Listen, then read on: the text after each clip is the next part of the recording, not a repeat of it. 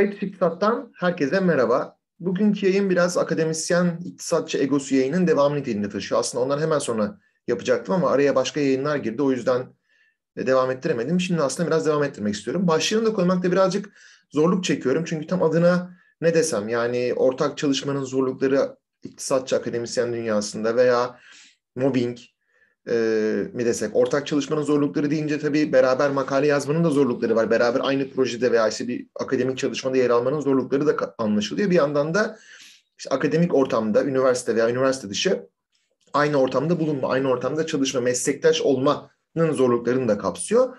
Böyle bir e, başlık koyma konusunda dediğim gibi ikilem yaşadığım bir şey. Bilmiyorum yayından sonra belki başlığını belirle, belirleyebilirim diye düşünüyorum. Şimdi burada biraz e, şundan bahsedeyim. Yani işte bizi akademik dünyada gibi lisans öğrencileri de izliyor bu yayını. Hatta çoğunlukla belki onlar izliyorlar.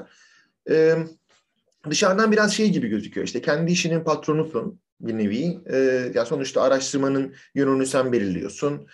E, işte vermek istediğin dersleri bir ölçüde her zaman olmasa da sen belirliyorsun. Bazen tabii e, programın ihtiyaçları doğrultusunda şekillendirmek gerekiyor.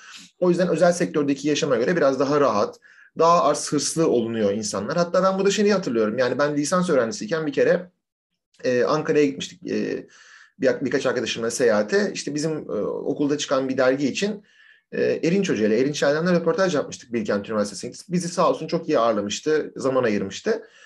E, ve orada e, şöyle bir şey demişti Erinç Hoca. Hani ben işte niçin akademik sen olmayı tercih ettiniz dediğimde. Yani ben görüyorum bazı arkadaşlarımı işte sabahleyin televizyon açıyorum sabah haberlerini izlemek için böyle o borsadaki insanların gözündeki hırs, özel sektördeki gözündeki insanların hırs o bana göre değil. Ben daha akademik dünyada daha e, insani koşullarda daha insani e, çalışma ilişkileri içerisinde yaşamak istiyorum. Tam bu kelimelerle söylemedim. Şimdi bayağı geçmiş gün ya. Bu yaptığımız seyahat 2003-2004 yılları arasında olması lazım. Dolayısıyla ben de net hatırlamıyorum. Üzerinden çok zaman geçmiş ama bu minvalde bir şey söylemişti. Yani akademik dünyada çalışmanın biraz daha e, hani hem çalışma koşulları anlamında değil de hani onların insaniliği anlamında değil de biraz aslında çalışma ilişkileri, insan ilişkileri, çalışma meslektaşlarınızla ilişkiler anlamında daha rahat olduğunu söylemişti.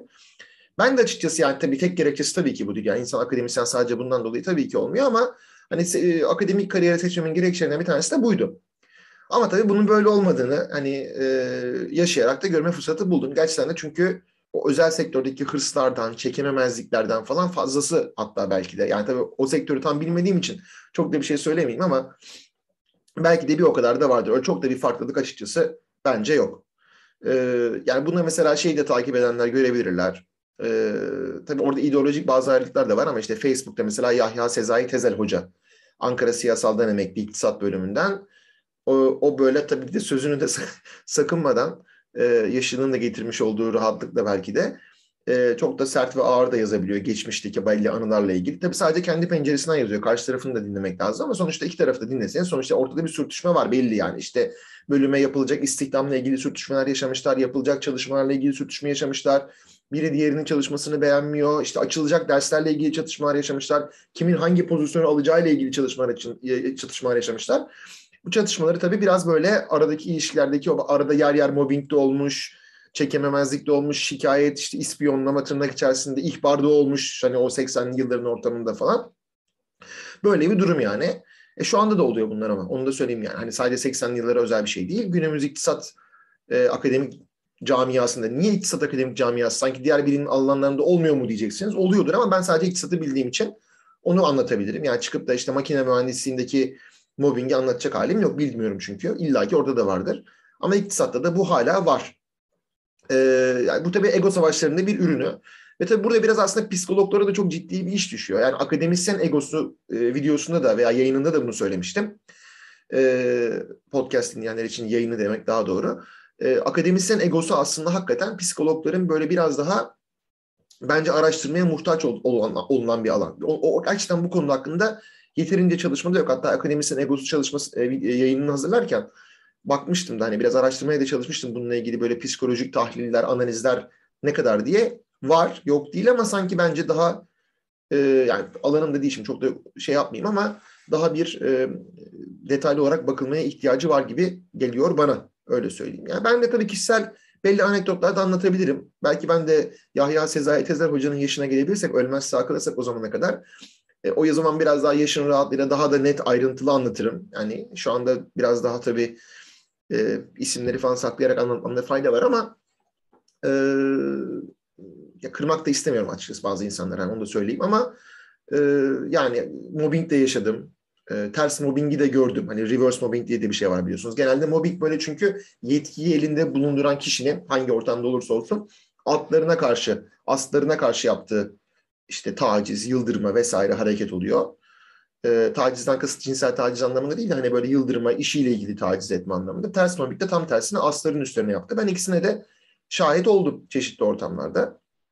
E, veya işte bu çekememezlik, kıskançlık, haset te çok fazla şahit oldum. Yani e, yani arada tabii bir fark var kıskançlık, haset arasında. Onu da tabii vurgulanır olalım. Kıskançlık biliyorsunuz e, hani bende yok, onda niye var demektir aslında bir nevi. Haset ise bende yok, onda da olmasın demektir.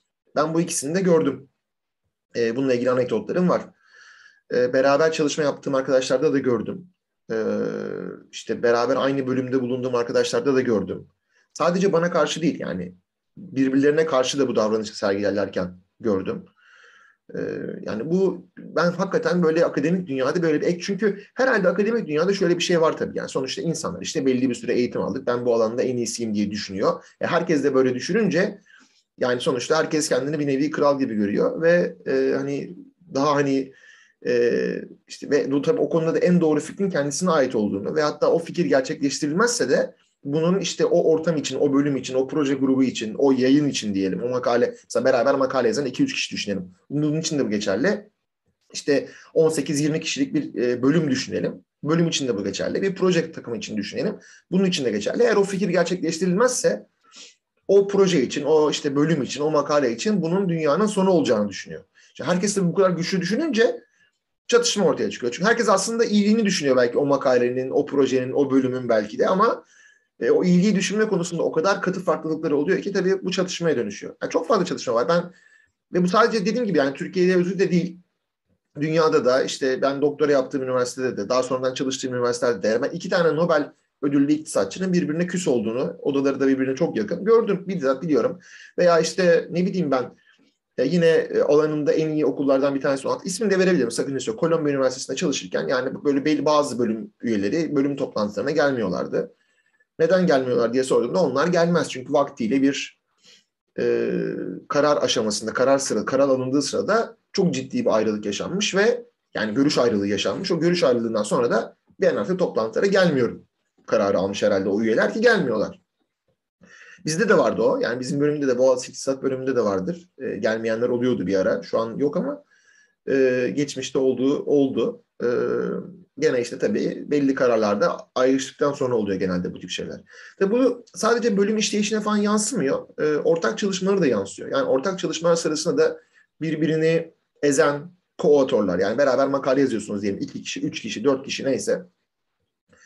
E, bir ortak yazar diğerlerini ezmeye çalışıyor. Benim çok başıma geldi. Yani e, ben yapmadım. Yapmadığımı düşünüyorum. Yani bilmiyorum belki de ortak yazarlara sormak lazım ama başıma geldi. Yani şey bile oldu. Ortak yazarlarımızdan bir tanesinin böyle getirip de bize 18-20 maddelik bir çalışma prensipleri e, işte ne bileyim ben ortak yazarlar birbirlerini şu saatler dışında şuradan rahatsız etmeyecek falan böyle hani bana çok komik gelen bir e, sadece bana değil diğer ortak yazarları da imzalattığı bir böyle ne bileyim ben çalışma prensipleri metni falan bile oldu öyle öyle komik bir şey bile oldu yani anekdot bile yaşandı onu da söylemek isterim yani. E, yani şeyde de falan da çok oluyor bölüm işleyişine şimdi tabii Türkiye'de ne bölümlerin işleyişi anlamında iktisat bölümleri için gene konuşuyorum. Birkaç farklı tür işleyiş biçimi var. Bir tanesi e, böyle devlet üniversitelerinde yani e, tepeden inme kararlar alınan ki artık hemen hemen bütün devlet üniversiteleri öyle belki bir iki istisna hala böyle bölüm seviyesinde kaldı diyebiliriz Boğaziçi dahil olmak üzere. Onun da değişimi yakındır. E, genelde işte demek tepeden inme kararları alınır zaten. Zaten hani orada bölümün herhangi bir şeyiyle ilgili sizin bir görüş bildirme şansınız olmadığı için ve bildirseniz de o görüşe kimsenin dikkate almayacağı için yani zaten çünkü rektör belirliyor her şeyi veya işte ne bileyim ben rektör yardımcısı eskaza o bölümdense o fakültedense o belirliyor veya en kötü ihtimalle dekan kafasına göre belirliyor. Benim bölüm başkanıyla beraber bölümden de hiç kimse bir şey sormuyor. Yani mesela bölüm toplantısı kavramı Türkiye'de pek çok üniversitede yok. Dünyada bu yapılır. Bölüm toplantısı, department meeting ortak bir bölüm toplantısı yapılır. Boğaz içinde de biz yapıyorduk. Bildiğim kadarıyla ODTÜ'de de yapılıyor. yani diğer üniversiteleri bilemeyeceğim ama e, pek çok üniversitede yapılmadığını biliyorum. Çünkü bölüm toplantısı demek bölümde öğretim üyesi olan herkesin hatta belki öğretim görevlilerinin de o toplantıya katılması, oy kullanması ve belli konularda görüşlerini bildirmesi demek. Eşit olarak hem de. E, yani yardımcı doçent işte veya yeni adıyla doktor öğretim üyesi, doçent profesör olmasının hiçbir önemi yok. Bir profesörün oyu ile bir doktor öğretim üyesinin oyunun eşit olması demek. Bizim Boğaziçi ekonomide mesela böyledir. Ee, ama e, işte pek çok üniversitede zaten böyle hani doktor öğretim üyesinin görüşüne kim ne yapsın veya doçentin görüşünü kim ne yapsın veya bölüm başkanı olmayan bir profesörün görüşünü kim ne yapsın e, böyle toplantılar yapılmaz. Ha, ana bilim dalı falan belki bir iki bir şey için toplanır belki veya sadece profesörler toplanır çoğunlukla. Ama böyle bölüm toplantı yapacakmış. Herkesin eşit olduğu bir şekilde bir oylamayla bir karar alacakmış. Bu karar bölüme yeni hoca istihdamıyla ilgili de olabilir. Veya işte bir dersin açılıp açılmamasıyla da ilgili olabilir. Veya ne bileyim ben yaz okuluna verilecek derslerle de ilgili olabilir. Veya işte bambaşka ne bileyim ben yani öğrenci dilekçesiyle de ilgili olabilir ama bunlar, bunlar yapılmıyor. Ee, Türkiye'deki pek çok devlet üniversitesi. Tek tük bir iki istisnası var. Şimdi zaten böyle bir şey olmayınca zaten çok da fazla e, kavga gürültü de olmuyor. Çünkü işte sizin adınıza zaten birileri karar veriyor. Ha, bazen işte tabii kimin rektörle arası daha iyi, kimin dekanla arası daha iyi, kimin bölüm başkanıyla arası daha iyi tartışmaları, kavgaları olabilir. Oradaki kavga türü bu.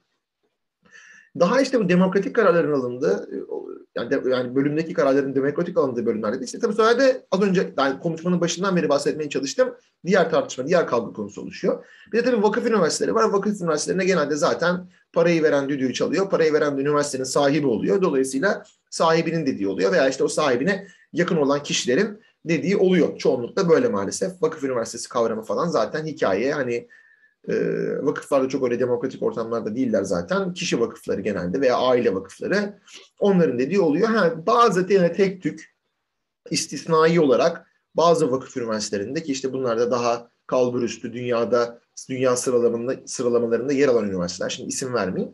Onlar da gene tabii bölümlerin kararlarının etkili olduğu alanlar oluyor. Daha olması gereken de bu zaten. Atıyorum Harvard Üniversitesi de bir özel üniversite. Vakfı da kesin vardır yani sonuçta ama özel üniversite ama e, orada bölümler karar veriyor pek çok şeye. E, ama yine de sonuçta hani e, o üniversitenin sahibi olan ailenin, şirketin neyse onun biraz daha böyle vizyonuna bağlı olarak e, kararlar alabiliyorsunuz belli konularda. Ama yine belli konularda dekanın e, kararı son dediği oluyor. İşte bölüm başkanının son dediği oluyor veya rektör yardımcısının rektörün son dediği oluyor. Veya son kertede hatta bazılarında da işte mütevelli heyeti başkanı olan o üniversitenin sahibi olan vakfın başkanı veya üniversitenin sahibinin dediği oluyor. Çoğunlukla da böyle yani. Orada da zaten o yüzden yine dediğim gibi ya işte bazen belki mütevelli heyeti başkanı rektöre yakınlık bir kavga konusu olabilir veya onun görüşlerini etkilemeye çalışma veya eğer hafif bir demokratik bir ortam varsa da işte o demokratik ortam içerisinde yine konuşmanın başından beri yapmaya çalıştı, anlatmaya çalıştığım şeyden dolayı kavga olabilir. Ya burada gerçekten e, çok işte farklı bir hani çünkü dediğim gibi mesela diyelim ki bir bankada çalışanlar bir bankada çalışanların e, arasındaki iş ilişkisi ile meslektaşlık ilişkisiyle diyelim. Özel veya devlet bankası fark etmez. E, üniversitede çalışanların ilişkisi hakkında hakikaten çok ciddi farklılıklar var. Yani dediğim gibi bu benim alanım olmadığı için şu psikolojik farklılıklara çok fazla girmek istemiyorum. Çünkü bilmiyorum. Yani tabii belli görüşlerim tabii ki var ama onları işte temellendirmeye çalışıyorum elimden geldiğince bu yayında ama çok ciddi farklılıklar var ve o farklılıklar da bu çatışmalara zemin hazırlıyor diye düşünüyorum. Yani işte tehdit de var, mobbing de var. Çok müsait zaten bu tip şeyler yapılmaya. Yani bir örnek daha vereyim. Ben e, vakti zamanında işte üniversitede alınan, bölüm de değil aslında, bölümün de tabii kararı vardı ama üniversitede alınan bir karara karşı, benim iznimle ilgili alınan bir karara karşı işte dava açmak istiyordum. Üniversite Yönetim Kurulu'nun aldığı bir karara karşı. Çünkü haksız bir karar olduğunu düşünüyordum. E, iznim süremi uzatmamışlardı. E, bana bir üniversite yönetim kurulu üyesi mesela işte eğer bu davayı açarsan kazansan bile kimsenin yüzüne bakamazsın diye tehdit etti açıkça. E, şimdi mesela bu bizim Boğaziçi Üniversitesi'nde olan bir şey. E, yani Boğaziçi Üniversitesi'nde şu an pek çok dava açılıyor mevcut yönetime karşı ki e, hemen hemen tamamı da haklı sebeplerle tabii ki.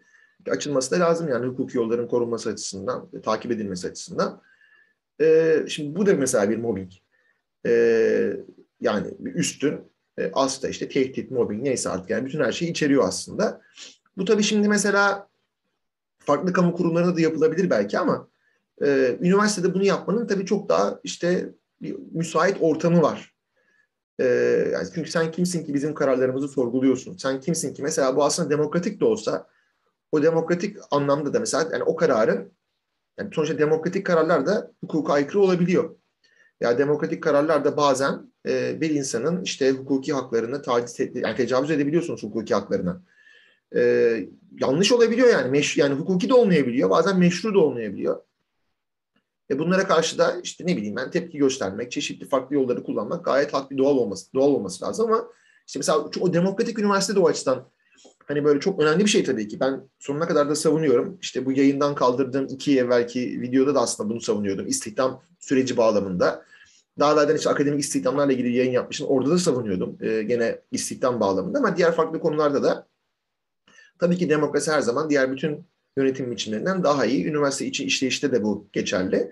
Ama bazen işte bu demokratik ortam vardır diye buradan çıkan karar en doğru karardır ve biz bunu bütün bölüm üyelerine empoze edebiliriz. Yani işte ne bileyim ben 20 kişilik bölüm düşünün işte atıyorum 15'e 5 bir karar almış. Herhangi bir konuda ne olduğunun önemi yok.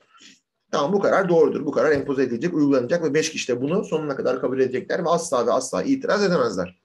Başka hiçbir yol kullanamazlar çünkü bu karar demokratik alındı. Böyle bir şey yok tabii ki. İşte biraz da tabii yani bunların da etkisi var herhalde. Ee, ve hani bu akademik e, dünyada ki ben tabii işte hep iktisat penceresinden konuşuyorum da e, tabii ki de başka bölümlere de bu uygulanabilir. Bu tip olaylar gerçekleşiyor. E, işte bu ortak çalışma yaparken de dediğim gibi yani fark etmiyor. Bölüm işleyişinde farklı, beraber makale yazarken de yani bölüm işleyişinde de aynı, beraber makale yazarken de aynı, beraber proje yaparken de aynı. Bu hep böyle. Yani siz işte birinin makalesini beğenmiyorsunuz. Ee, aslında bir nevi ona ne bileyim ben taciz ediyorsunuz onu hani aşağılıyorsunuz mesela makalesinden dolayı, akademik yayınından dolayı. Çok gördüm bu örnekleri. Yine mi bu konuyu çalışıyorsun? Bana karşı da değil sadece yani herkese karşı veya gidip de mesela ne bileyim seminer verenlere karşı da yani. Gene ego kısmında birazcık o seminer verilenlere karşı yapılan muameleleri anlatmıştım. Genelde böyle sert sert konuşulur falan. Yani iktisatta biraz da bir de erkek egemen olmasının da getirdiği bir kabalık ekstradan var ama e, dediğim gibi sadece iktisata özgü değil e, diye düşünüyorum. Biraz dağınık anlattığım farkındayım çünkü dediğim gibi hani aslında bunları toparlamak da çok da mümkün değil. Ve tabii böyle spesifik anekdotlar da vermeyince çok da eğlenceli olmadığının farkındayım dinleyiciler açısından. Ama yine de söyleyeceklerimi bu konuda söylemek istedim kanalda. Belki dediğim gibi ben de Yahya Sezai Tezer hocanın yaşına gelince daha net anekdotlarla çünkü bunların hepsini not ettim kenara. E, bilgileri, belgelerini saklıyorum belli konulardaki anekdotları. E, daha böyle net işte ne bileyim belki o zaman daha böyle yayınlar mı meta'daki yayınlarda mı olur? O kitap kalır mı o zamana kadar bilmiyorum ama işte farklı şekillerde, farklı kanallarla duyurmaya çalışırım diye düşünüyorum. Şimdilik söyleyeceklerim bu kadar. E, beni dinlediğiniz için teşekkür ediyorum ve hepinize iyi günler diliyorum.